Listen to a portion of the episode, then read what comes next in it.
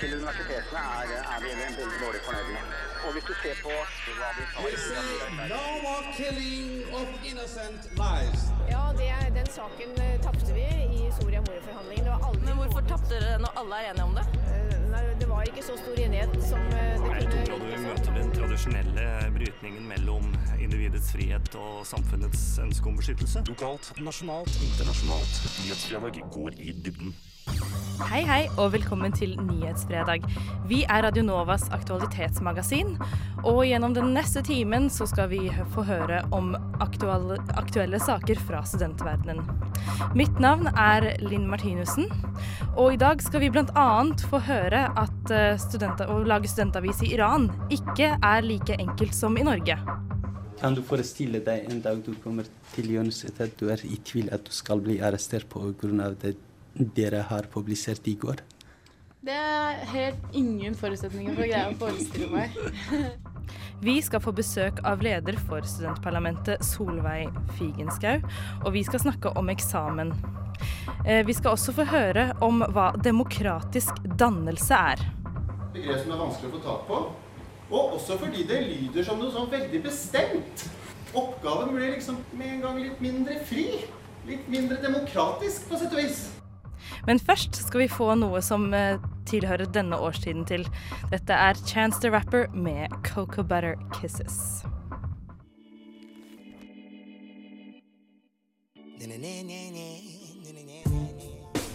Right. Hi, hi everybody. This is Nicki Minaj, and you're listening to Nyhet. Nyhetsfredag. Nyhets.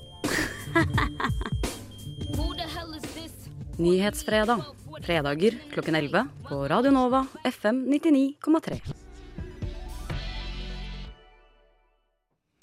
Journalistikkstudentene på Høgskolen i Oslo og Akershus har hatt et prosjekt om pressefrihet rundt om i verden. Vår reporter, som også er journalistikkstudent, Marie Røsland, har møtt iranske Lokman Gorbani.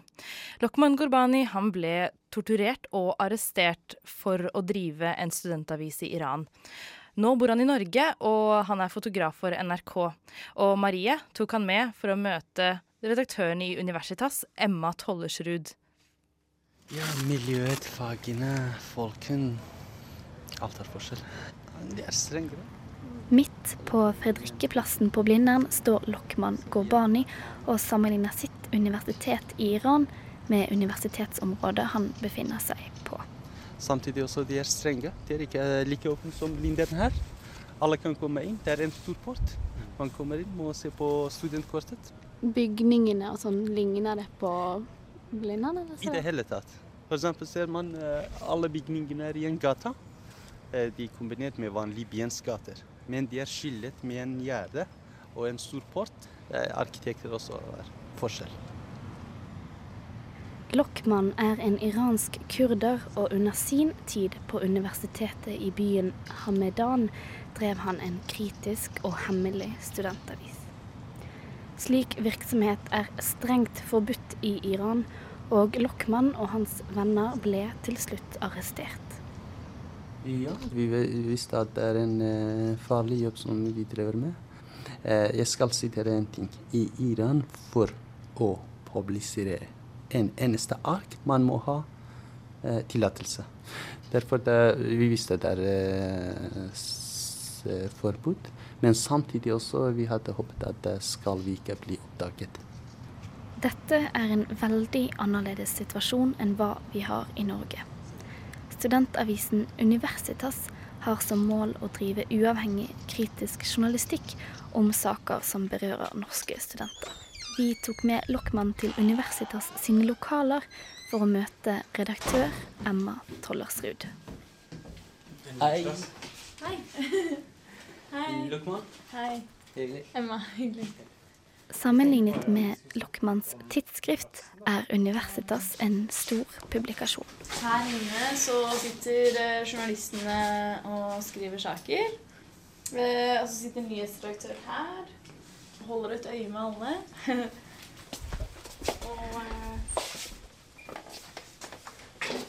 ja. Her er desken. Her sitter vi og tegner ut avisa etter hvert som eh, sakene blir ferdig. Her sitter jeg og prøver å late som jeg er sjef, men jeg får det ikke helt til alltid. Kan du forestille deg en dag du kommer til universitetet, du er i tvil at du skal bli arrestert pga. det dere har publisert i går?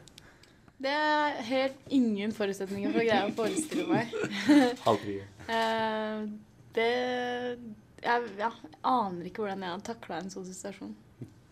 Eh, men det står veldig respekt av å greie å takle en sånn situasjon, kan jeg vel si. Eh, Kan du tenke deg f.eks. en dag du mistet din veske, f.eks. på kantina?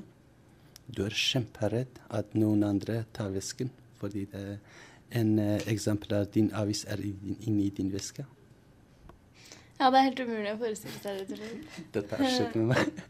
Ble en helvete dag. Bare vær redd, ja.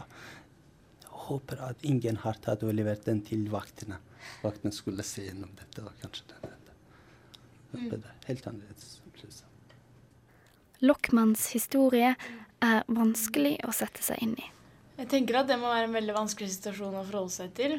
Fordi jeg selv syns det er vanskelig i seg selv å Bare det å ta imot kritikk er noen ganger vanskelig. Og hvis man da står overfor å faktisk miste friheten sin, da, som er liksom det eneste man har, så tror jeg man mister veldig mye av givet og motivasjonen for å gjøre det. Selv om det da kanskje er enda viktigere å lage journalistikk. da. Journalistikk får en helt annen dimensjon når det er på en måte fengselsstraff som eh, venter deg hvis du overtrår en grense, så blir på en måte hele betydningen av journalistikk og hele hva skal jeg si, alle konsekvensene blir så mye mer alvorlig. Da.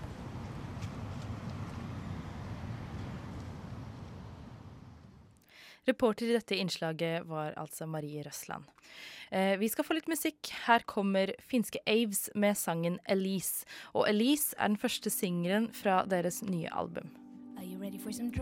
Hei, jeg heter Jonas Gahr Støre. Du hører på Nyhetsfredag. Følg med og ha en fin fredag og god helg. Dette var altså Ava med Baby Jane. Eh, det ble en liten teknisk feil, så det skulle ha vært Aves med Elise. Men nå skal vi snakke litt om eksamener, og jeg har fått besøk i studio av eh, leder for studentparlamentet Solveig Figenschou. Velkommen. Takk for det. Takk for at du kunne komme. Eh, Solveig, du er ikke fornøyd med UiOs eksamenspolitikk. Hva er det egentlig du er misfornøyd med? Jeg tror at uh, vi har et eksamenssystem i dag som eh, nok ble designa for Det kongelige Fredriks universitet med 18 studenter. Og det var eh, en helt annen tid, en helt annen oppfølging og kontakt med studentene. Og så er jeg veldig glad for at UiO nå selvfølgelig er et bredt universitet med 27 000 studenter. Men jeg tenker at, eh, at det er en del ting med eksamen som man kan forandre på. Um, eh, jeg syns det er kjempebra at man mange steder bruker hjemmeeksamen og muntlige fremføringer og prosjektoppgaver og sånt. Men uh, i aller største grad så er det denne fire timers skoleeksamen uh, som skal på en måte være det ultimate beviset på læring på universitetet. Og den, eh, den mener vi i studentparlamentet at har litt eh, forbedringspotensial, da. Hva er det som er feil med den fire timers skoleeksamen? Det ene er jo eh, at man faktisk leverer fra seg et eh, faglig arbeid og ikke får noe tilbakemelding på det. Eh, man leverer fra seg et arbeid, og så får man en bokstav som skal oppsummere eh, alt du har lært i løpet av et år. Så vi har jo lansert en kampanje nå, eh, Min ABC, eh, som, eh, hvor vi prøver å eh, rette fokus mot akkurat det. Og så ønsker vi oss eh, at studenter får automatisk begrunnelse i studentweb med karakteren. Vi skal komme tilbake til den kampanjen Mm. litt senere. Men eh, hva ville du tenkt var en ideell eksamenssituasjon? Ja, for det første, altså på selve situasjonen som ikke har noe med tilbakemeldingene å gjøre, så er det jo det at eh, studenter i dag eh, sitter og niskriver gjerne i fire til seks timer for hånd. Og det gjør man ikke vanligvis eh, i arbeidslivet, eller studenter er ikke vant til å jobbe på den måten. Så vi ønsker jo oss at man i mye større grad skal ta i bruk PC-er på eksamen. Eksamen er jo også den eneste vurderingsformen som blir brukt nå. Hva tenker du om det? Jeg tenker at eh, at det er jo noen steder hvor man, eh, hvor man faktisk vurderes på andre ting, spesielt på profesjonsstudiene og sånt. Eh, det kunne nok vært mye mer av det. Eh, men det er klart at sånne tiltak koster penger. Hvis man skulle hatt mer oppfølging og mer kontakt mellom vitenskapelig ansatte og studenter, så er det, så er det veldig kostbart. Og det ønsker vi oss. Eh, men det vi har tenkt eh, med å gå ut og kritisere eksamen, er jo at det er det systemet vi har. Er det noen små, enkle grep vi kan gjøre for å, for å gjøre det bedre for studenter? UiO har jo gått ut og sagt at de har et mål om at 75% skal gjøres digitalt uh, innen 2014. Hva syns du om dette målet? Jeg syns det er et kjempebra mål. Uh, det, det, må jeg bare være helt klar på. Men problemet er jo at man må, man må sette i gang uh, tiltak for å, for å, møte de målene. Og det er flere fakulteter som har ønska seg pilotprosjekter på PC på eksamen, men som ting kan se ut til at de ikke får det allikevel. Eh, andre fakulteter har liksom tatt kostnadene helt sjøl og tatt det inn i sine budsjetter, eh, og det bør man berømme dem for. Men eh, man er ikke kommet veldig langt i å nå det 75 %-målet, og da tenker jeg at eh, universitetet sentralt må bevilge penger til fakultetene. Eh, spesielt eh, det er det HF-fakultetet som er det aktuelle fakultetet, det aller største fakultetet, som ønsker midler eh, til, eh, til en sånn type satsing. Eh, og da syns jeg at universitetsledelsen, som har satt dette målet, skal være de som er bremsekloss for å få det til, da. Eh, vi kunne dessverre ikke få UiO-rektor Ole Petter Ottersen i studio i dag, men han har jo beskyldt dere i studentparlamentet for ikke å følge med i timen, blant annet. Og han eh, viser til mål eh, som eh, sier at dette digitale eksamen nå begynner å eh, øke eh, i antall studenter som tar digital eksamen. Blant annet så viser han til 1000 studenter på juss, rundt 1000 på juss og 800 studenter på det medisinske fakultetet. Um, og så sier han også at uh, det, er også prøve, det er også prøveprosjekter på det er også prøveprosjekter på UV-fakultetet mm. og um, ja, og så sier han at digital eksamen denne våren Ja, som skal ha digital eksamen denne våren, hva sier du til den kritikken om at dere ikke følger med i timen? Og, og det, det, andre. ja, vi er jo klar over at det gjøres ting, og uh, det er veldig dumt hvis det oppfattes sånn at vi ikke er fornøyd med det som skjer. Selvsagt er vi det. Uh, men det er 27 000 studenter, og kort sånn hoderegning er jo at det er til sammen de 1800 studentene på juss og medisin som har dratt nytte av det her. Og det er jo heller ikke nødvendigvis de studentene som har eh, minst midler knytta til, eh, til eh, sine studier. Eh, sånn at det er kjempebra at det skjer ting, og jeg skjønner at man må pilotere og forsøke litt frem og tilbake, og, og, at det koster mye, og at det er mange praktiske implikasjoner ved å ha PC på eksamen. Men man må bare satse, altså. Når man har satsa det målet, så må man bare bestemme seg for å gjøre det, tror jeg. Vi skal snakke litt mer om eksamen, men eh, nå skal vi ha en liten pause. Eh, det blir musikk, og denne gangen så blir det finske Aves med singelen Elise. Lokalt, nasjonalt, internasjonalt. Nyhetsfredag går i dybden. Velkommen tilbake. Vi har fremdeles besøk i studio av Solveig Figenschou, som er leder for studentparlamentet. Vi snakker om eksamen, og eh, før pausen så snakket vi litt om at du mm, syns at det ville vært en god idé å ta eksamen på PC. Kan du si litt om hvorfor du syns at det ville vært en bedre idé enn å skrive det for hånd? En ting er jo at man blir fryktelig sliten i hånda av å sitte i fire timer og niskrive. Så tror jeg jo at eh, det er en fordel å ha eh, en eksamen som er tilpassa sånn som man jobber i arbeidslivet, sånn som studenter er vant til å jobbe. Man skriver på PC, og så kan man disponere oppgaven sin sånn som man vil. Man kan flytte på de tingene som plutselig ikke passer inn, eller som man har lyst til å trekke inn i konklusjonen istedenfor, uten at det blir kryssing og tversing og eh, utstrykning og alle de tingene her. Jeg tror rett og slett man får bedre eksamensbesvarelse av, av å kunne skrive på PC. PC. Og når vi snakker om bedre besvarelser, så skal vi gå tilbake til noe som du nevnte litt i stad. Og det er at dere også ønsker automatisk begrunnelse. Eh, hvorfor, hvorfor, tror dere at dette ville vært en eh, god ting for studentene? Rett og slett fordi at da får man eh, en tilbakemelding på det arbeidet man leverer fra seg. Det er jo mange emner du kan ta på universitetet hvor skoleeksamen faktisk er det eneste arbeidet som du leverer fra deg til vurdering fra en fagperson. Og da tenker jeg at det skulle bare mangle at man, at man får vite hva personen har tenkt når den har sittet og retta, eh, rett og slett. Men det blir jo veldig mye jobb for en sensor som skal uh, gjøre begrunnelse på, la oss si det er uh, 50 studenter som tar eksamen på et, et uh, emne. Hvordan skal man få ressurser og penger til å kunne skrive 50 begrunnelser og sende de ut automatisk? Mm. Man hadde faktisk en, en, pilot med det her med automatisk begrunnelse på Institutt for læring og skoleforskning på UiO. Eh, og da fant man ut at man sparte tid eh, på å gi studentene automatisk begrunnelse, fordi det er veldig mye byråkrati i det å skulle eh, håndtere klager, eller håndtere de henvendelsene om å få begrunnelse, for da må sensor sette seg ned på nytt eh, og se på eh, hva som er grunnen til at man ga denne karakteren, istedenfor at man i de notatene man eventuelt gjør seg i hodet eller uh, i margen, faktisk uh, bare ja, levere dem fra seg samtidig som man leverer fra seg karakteren. Dere har til og med startet en kampanje om dette. Kan du fortelle litt om den? Ja. Det er foreløpig en uh, Twitter-kampanje hvor vi oppfordrer studenter til å ja, finne på begrunnelser sjøl, i og med at man ikke, ikke får noe av sensorene sine. Um, og så er jo tanken at, uh, at ja, vi skal bruke det vi får, uh, og vise det fremfor uh, ledelsen. og ja, vise frem litt hvor frustrerende det kan være som student og har levert fra seg veldig mye, og egentlig bare må sitte og tippe på hva som er grunnen til at du, til at du har fått den karakteren du har fått. Har du noen tweets som du kunne lest i studio? Jo, eh, jeg har jo det. Um, er da min ABC, så det er bare å kaste seg på. En som jeg syns var veldig morsom, er en, forklaring på karakteren A. A, det vil si B med nynorsktillegg. Eller uh, E. Egentlig strøyk du, men det, men det har vi ikke råd til. Eller Eh, en annen, en litt eh, slem min ABC, som er i humaniorafagene, eh, spiller det ingen eh, rolle hva du får. Eh, A står for arbeidsløs uansett. Det er jo ganske så kreativt, det. Eh, hvor lenge har dere holdt på med denne Twitter-kampanjen? Vi starta på tirsdag. Mm. Så her er det mulig å slenge seg med. Og så er det også sånn at den, den beste tweeten får et gavekort på Akademika til 1500 kroner, som man kan bruke på pensum.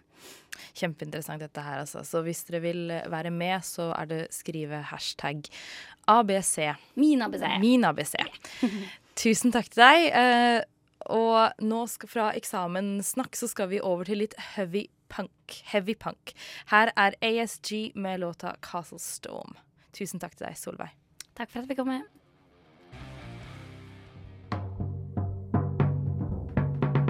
Nyhetsfredag. Fredager klokken 11 på Radio Nova FM 99,3. Der fikk du altså ASG med 'Castle Storm', som er um, en singel fra deres kommende album 'Blood Drive', som slippes den 28. mai. Høgskolen i Oslo og Akershus fortsetter sine seminarer om dannelse.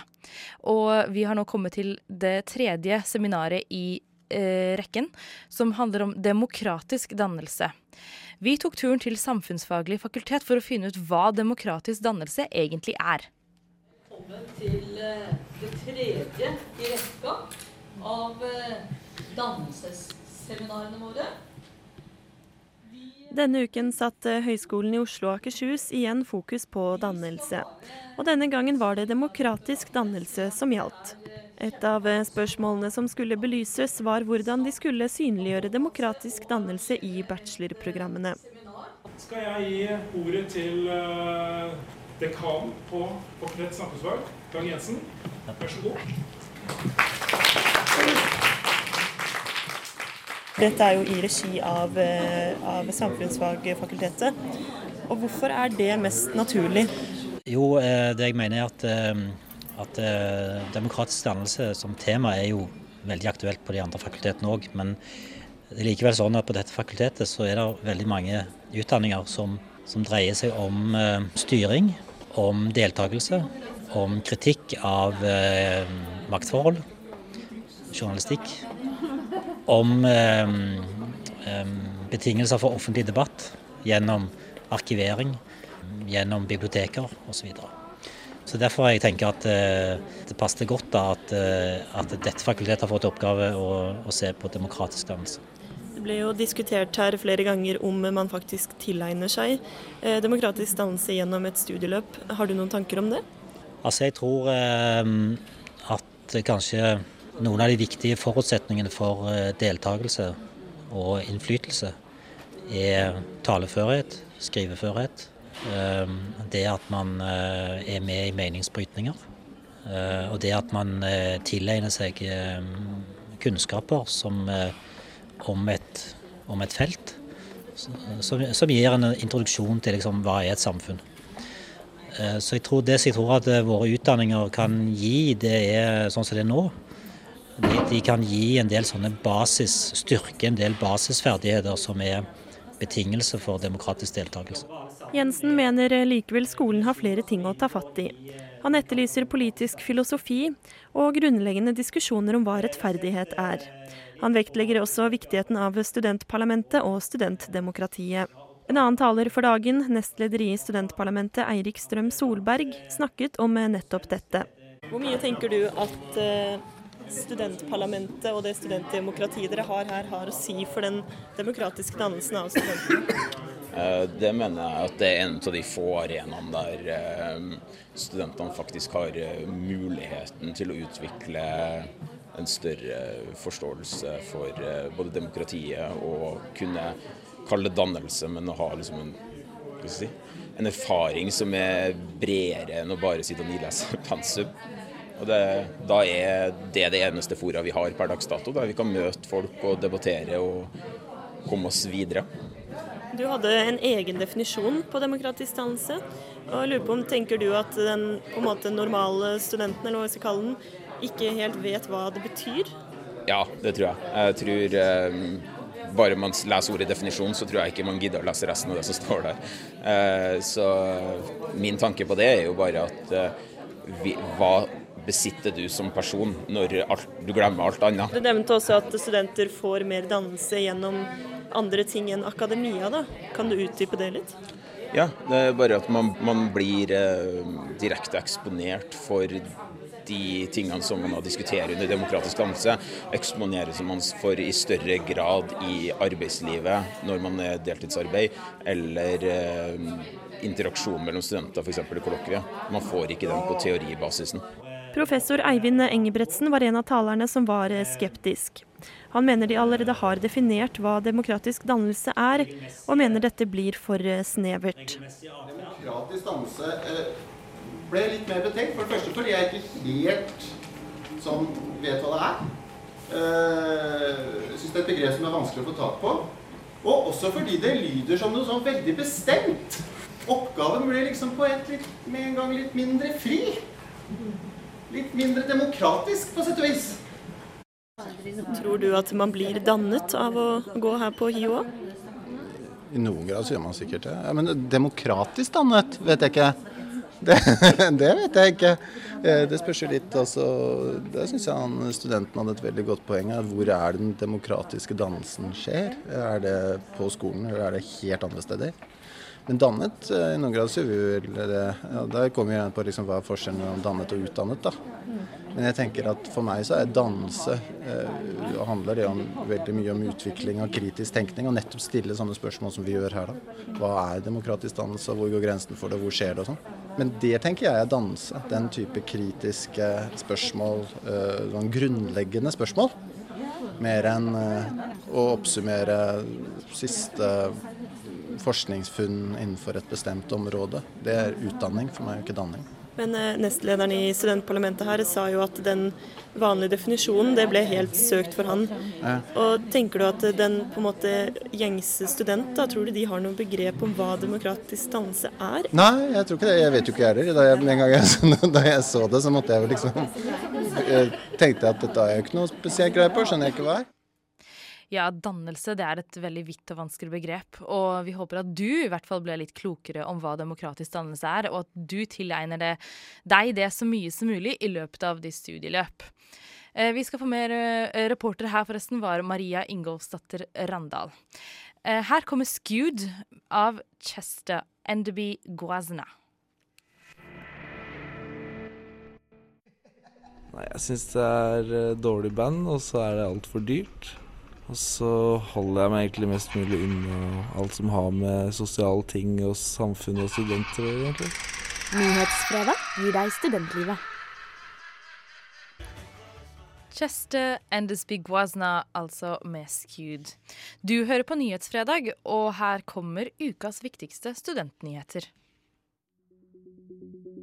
Nyhetsfredag gir deg ukas viktigste studentnyheter. Universitetet for miljø- og biovitenskap i Ås huser flere utenlandske studenter enn noen andre universiteter i Norge. Dette kommer frem i en ny tilstandsrapport for høyere utdanning som Kunnskapsdepartementet la frem i forrige uke. Alt i alt er det studenter fra bortimot 100 ulike land ved Universitetet i Ås. Blant de største gruppene er studenter fra Nepal, Tanzania, Uganda, Etiopia og Pakistan. Det skriver Aftenposten. Ifølge rapporten er områder som naturvitenskapelige og tekniske fag mest populære blant de utenlandske studentene, og rektor Hans Fredrik Hoen tror det er nettopp derfor universitetet er så attraktivt for denne gruppen studenter. Rapporten viser også at andelen studenter med utenlandsk bakgrunn i Norge har økt fra 7% i 2003 til 11% i 2011. Nytt sykehus nær Universitetet i Stavanger setter fart i planene om utdanning av leger og kiropraktorer i byen. En samlokalisering mellom sykehusene og universitetet kan gi regionen flere bein å stå på. Det er i dag stort behov for en større spesialhelsetjeneste i Stavanger-området, og ifølge en studie vil byen kunne ta imot et kull på 50 medisinstudenter hvert år i samarbeid med Universitetet i Bergen. Forutsetning er er at staten blar opp pengene, dvs. Si om lag 50 millioner kroner i året. Høgskolen i Oslo og Akershus satser over 25 millioner kroner på digitale undervisnings- og læringsformer, evaluering og infrastruktur de nærmeste årene. Tengil Sandtrø er konstituert programleder for eCampus ved HiOA. Han sier at det i dag er en stor avstand mellom den tekniske og digitale standarden som er å finne i grunnskolen og arbeidslivet, til den papirbaserte opplevelsen på høyskolen. Han mener det er beskjemmende at de fortsatt har det sånn. Det skriver Krono. I revidert nasjonalbudsjett foreslås det å sette av 100 millioner kroner ekstra til studentboliger i 2013. Regjeringen har fordelt midlene til Oslo, Bergen, Trondheim, Kristiansand, Stavanger, Ås, Tønsberg, Halden, Tromsø og Sogndal.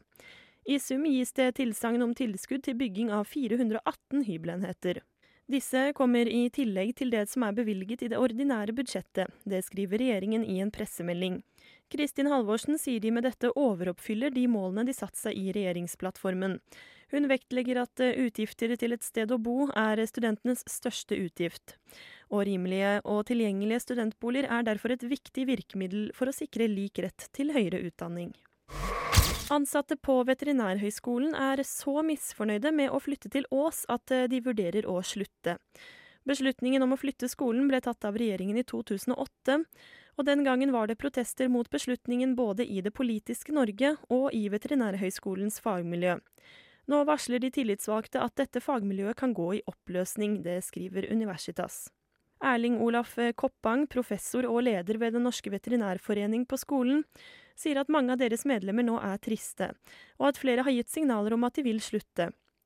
Både pga. den ekstra belastningen pendlingen vil innebære, og fordi de ikke vil ha noe problem med å få seg jobb som veterinær et annet sted. Avgangskullet ved Politihøgskolen mener ledelsen ved skolen ikke håndterer sprengt kapasitet godt nok, og har nå sendt en uttalelse til ledelsen på skolen. Tredjeårsstudentene ønsker å si fra om det de mener er en svekkelse av studentenes rettigheter for å hjelpe fremtidige studenter. Tredjeårsstudentene ved Politihøgskolen er det første kullet på 700 studenter totalt på landsbasis, og dette har ført til store utfordringer for skolen. Talsmann for studentrådet på skolen, Tom Kenneth Oksnes, sier til NRK at det har vært en bedring for førsteårskullet nå, men at dette er endringer som skulle vært gjort tidligere.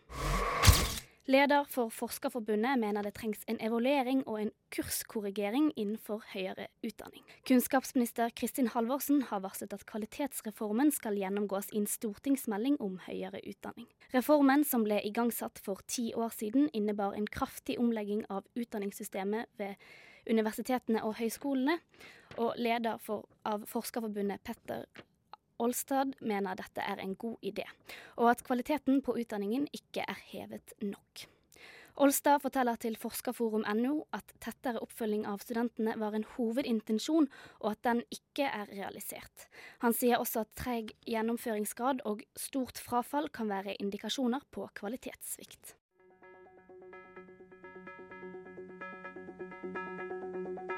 Studentnyhetene hører du mandag til fredag klokka 9, 10 og 11 på Radio Nova FM 99,3.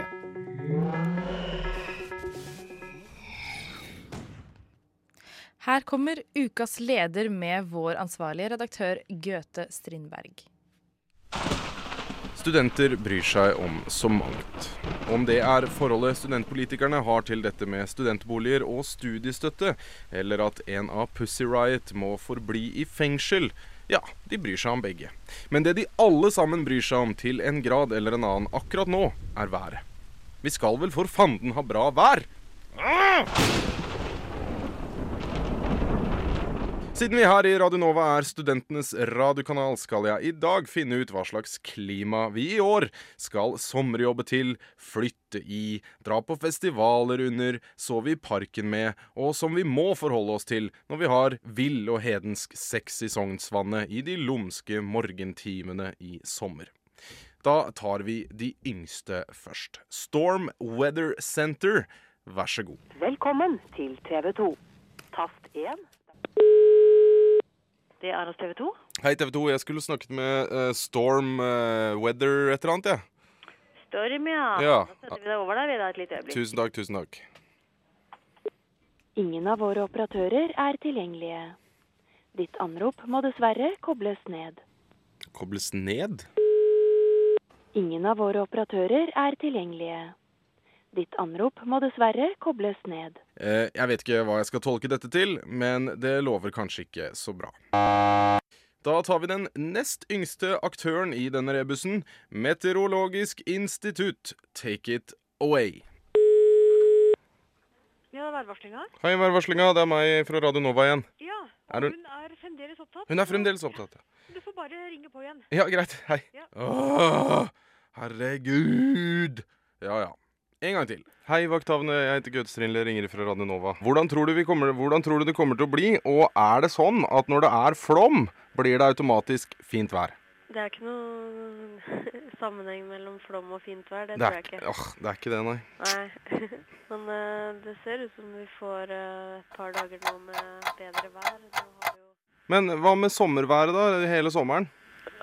Uh, det er, vi har jo prognoser for ti dager fram. I hvert fall den neste uka ser veldig ustabil ut med sånn litt nedbør eh, på kroppen. Så det kan jo ikke bare være lavtrykk hele sommeren. Nei. Så jeg tenker at eh, en eller annen gang i løpet av juni, juli eller august så vil vi få en høytrykkssituasjon igjen med en del dager med varme og fint vær, da. Ja. Så det er det jeg tror, da. Men det var jo det var hyggelig, i hvert fall. Ja. Takk for hjelpa. Jo, bare hyggelig. Greit, hei. Greit, hei. Der, ja. Det var jo nesten et svar.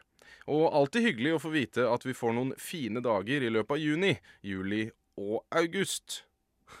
ja ja. Da tyr vi til det jeg burde gjort i starten. Jeg gjetter nå på at telefonen vil bli besvart, at jeg får et meget fyldig svar, og ja, rett og slett at jeg får et svar. Kan jeg få min kjære bestefar på tråden, takk? Hallo. Bestefar. Det er Gaute. God dag, god dag. Hei. Ja, altså, eh, altså jeg le, leser været ut ifra gamle skikker, det som har vært Ja, som eh, nordmenn har holdt seg til siden tidlig middelalder. Ja, ikke sant? Ja, altså Det har vært en eh, aldeles merkelig vår, da, kan du si, fordi at Men vi har hatt sånne før, fordi at altså poenget er menneskelig påvirkning, men vi har hatt enorme svingninger. Jeg har sett den på TV hele tida. Og din uh, snille mormor hun gråter nesten. Hun syns det er så forferdelig. Tre og en halv meter ned til vassflata på Mjøsa. Mm. Og I tillegg så var det vel en kirketjener eller kokker som drev og strevde med noe. Han falt opp kjelleren under der og druknet. Nei!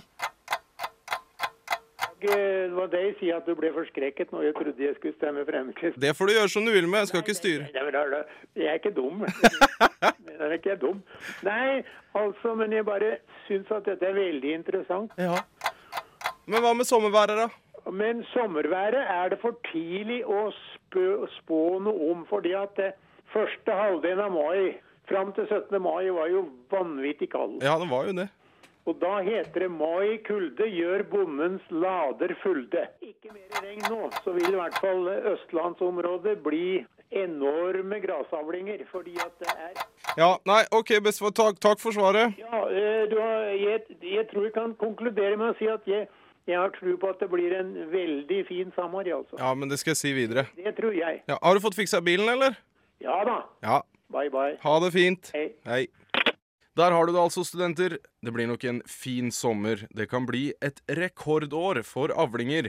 Du har all grunn til å se positivt på fremtiden, og ring bestefaren din en gang iblant. Det er veldig hyggelig, og ikke minst informativt. Ja, da får vi håpe at uh, Goethe Strindler, ikke Strindbergs, bestefar, hadde rett om sommerværet.